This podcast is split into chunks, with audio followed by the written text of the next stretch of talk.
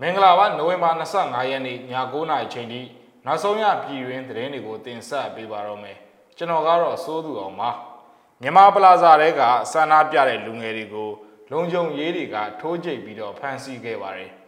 မွန်ညင်းမြို့နယ်မှာ KIA တပ်ရင်း26နယ်မြေကိုစစ်ကောင်စီကဂျက်လီနဲ့ဘုံကျဲတိုက်ခိုက်လိုက်ပါတယ်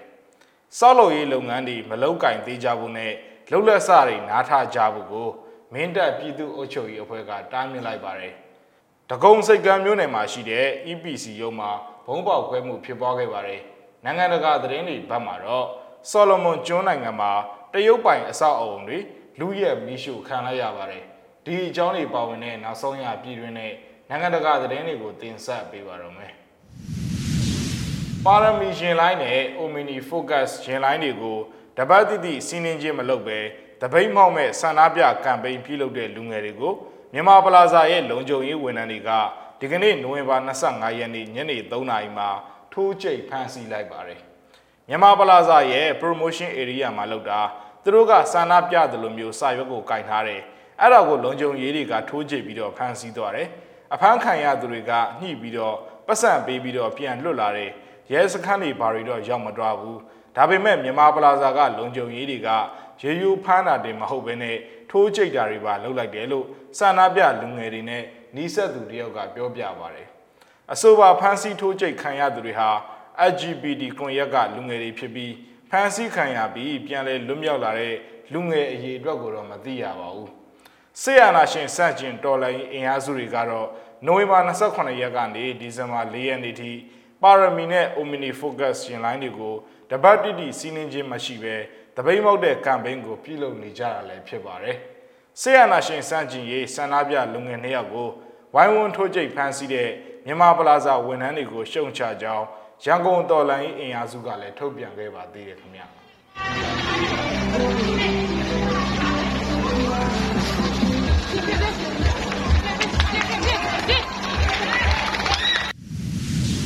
မိုးညင်းခရိုင်အင်းတော်ကြီးဒေသက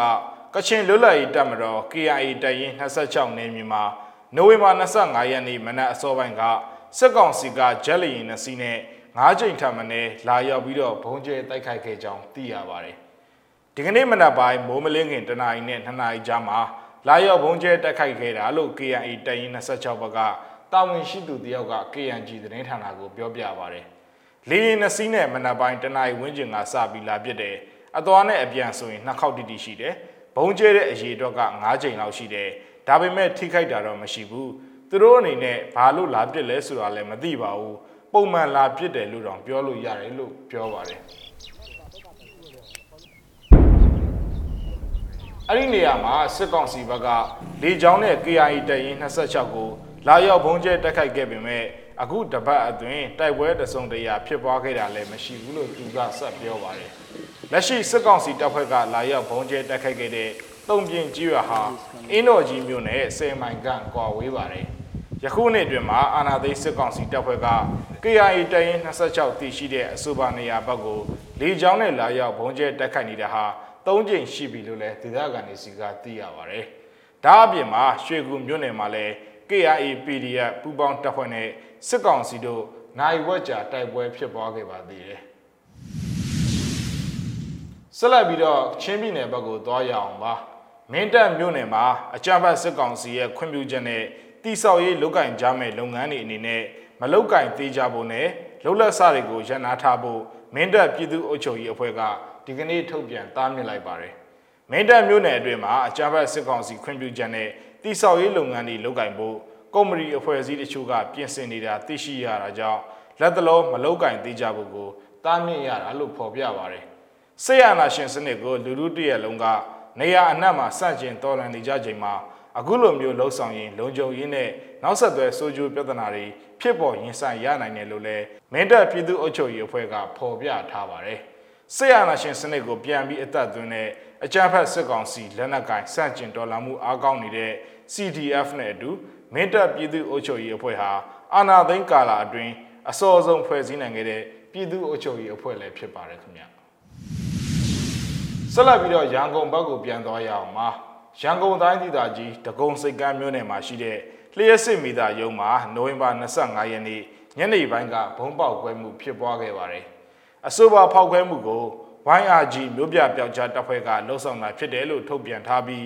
EPC ရုံးရှိမှရှိတဲ့စစ်ကောင်စီတပ်ဖွဲ့ဝင်တွေကိုဘုံခွဲတိုက်ခိုက်ခဲ့တာလို့ဆိုပါတယ်။ပျက်စီးထိခိုက်မှုအသေးစိတ်ကိုမသိရသေးကြောင်းနဲ့ပောက်ကွဲမှုကြောင့်လမ်းသွားလမ်းလာတွေကိုပိတ်ဆို့စစ်ဆေးနေကြောင်းသိရပါတယ်။ဒဂုံစိတ်ကမ်းမြို့နယ်မှာမိသားကပေးဆောင်ခြင်းမရှိတဲ့နေအိမ်တွေကိုနိုဝင်ဘာလအတွင်းမှာမိလိုက်လံဖျက်တောက်နေတာလည်းဖြစ်ပါတယ်။ ဆက်လက်ပြီးတော့နိုင်ငံတကာသတင်းတွေဘက်ကိုလည်းတွားရအောင်ပါ။ဆော်လိုမွန်ကျွန်းနိုင်ငံမှာအစိုးရကိုစန့်ကျင်တဲ့ဆန္ဒပြပွဲတွေဒုတိယမြောက်နေ့အတွင်းမြို့တော်ဟိုနီယာယာကတရုတ်တန်းကိုပြစ်မှတ်ထားပြီးစုပူအောင်ကြသူတွေကအဆောက်အအုံကိုချက်တာပရင်းနေမှာမီးရှို့လိုက်ကြပါတယ်။လူအုပ်ဟာအစိုးရရဲ့ lockdown ကိုဖီဆန်ပြီးလမ်းမတွေပေါ်ထွက်လာကြတာဖြစ်တယ်လို့မျက်မြင်တွေနဲ့ပြည်တွင်းမီဒီယာတွေကဖော်ပြကြပါတယ်။ဓာတ်ရိုက်ထုတ်လွှင့်တဲ့ဗီဒီယိုတွေမှာလည်း မီးလောင်ကျွမ်းနေတဲ့အဆောက်အအုံကိုမြင်တွေ့ရသလိုမြို့တော်ကောင်းကင်ထက်မီးလုံးတွေလွှင့်တက်နေတာကိုလည်းမြင်တွေ့ရပါတယ်။ပြီးခဲ့တဲ့ဗုဒ္ဓဦးနေ့မှာလည်းမြို့တော်မှာဝရုံသုံးကားအခြေအနေဖြစ်ပေါ်ခဲ့ရာကဆန္ဒပြသူတွေကလွှတ်တော်ကိုဝင်စီးဖို့ကြိုးစားကြသလိုဝန်ကြီးချုပ်မာနာဆတ်ဆိုဂါဘာရီကိုလည်းဖြုတ်ချဖို့ကြိုးပမ်းကြတာဖြစ်ပါတယ်။မြို့တော်ရဲ့တရုတ်တန်းကစီးပွားရေးလုပ်ငန်းတွေလူရက်မီးရှို့ခံရတာကြောင့်တရုတ်တန်ယုံကနေပြီး အလွန်အမင်းစိုးရိမ်ပူပန်ကြောင်းဆော်လမွန်အစိုးရကိုအရေးဆိုထားပါတယ်။တရုတ်လုပ်ငန်းတွေနဲ့လူပုဂ္ဂိုလ်တွေကိုကာကွယ်ပေးဖို့အတွက်လိုအပ်သမျှအရာရာဆောင်ရွက်ဖို့ဆော်လမွန်ကျွန်းနိုင်ငံကိုမေတ္တာရက်ခံထားပါတယ်လို့ထုတ်ပြန်ချက်မှာတရုတ်တန်ယုံကပြောပါတယ်။အစိုးရကအခြေအနေကိုထိမ့်သိမ်းထားနိုင်စေဖြစ်တယ်ဆိုပြီးဝန်ကြီးချုပ်ဆူဂါဗာရီကဆိုပါတယ်။ဒီကနေ့မှာကျွန်တော်ခမားတို့ရှိရက်နေတာဟာ ကျွန်တော်တို့နိုင်ငံကဘေးကင်းတယ်ဆိုတာကိုပြောပြဖို့ပါလို့ဆိုပြီးသူကကျူးလွန်သူတွေအားလုံးကိုဥပဒေနဲ့အပြည့်အဝကိုင်တယ်သွားမယ်လို့ဖြည့်ဆွတ်ပြောပါတယ်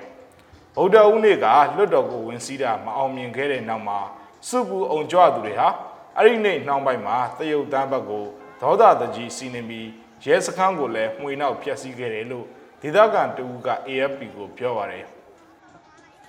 ရဲကအသားအဆီးတွေစိုက်ထူထားပေမဲ့ စုပူအောင်ကြောင်းမှုကရပ်သွားပုံမရှိဘူးလို့အမိမဖော်လို့တဲ့အဲ့ဒီဒေသခံကဆိုပါတယ်လူအုပ်စုဟိုတီသွားနေကြတယ်တော်တော်လေးကိုတင်းမာနေတာဖြစ်တယ်လို့သူကပြောတယ်လို့လူရမှုတွေနဲ့ရဲကမျက်ရည်ယူဓာတ်ငွေသုံးရတာတွေရှိနေတယ်လို့ပြည်တွင်းမီဒီယာတွေကလည်းဖော်ပြပါတယ်မြို့တော်မှာဆန္ဒပြသူအများစုဟာအနီးအနားမော်လီတာကျွန်းကဒေသခံအများစုဖြစ်ပြီးဗဟိုအစိုးရကလစ်လူရှူတာရင်ဆိုင်နေရတယ်လို့သူတို့ကအရေးဆိုနေကြတာပဲဖြစ်ပါတယ်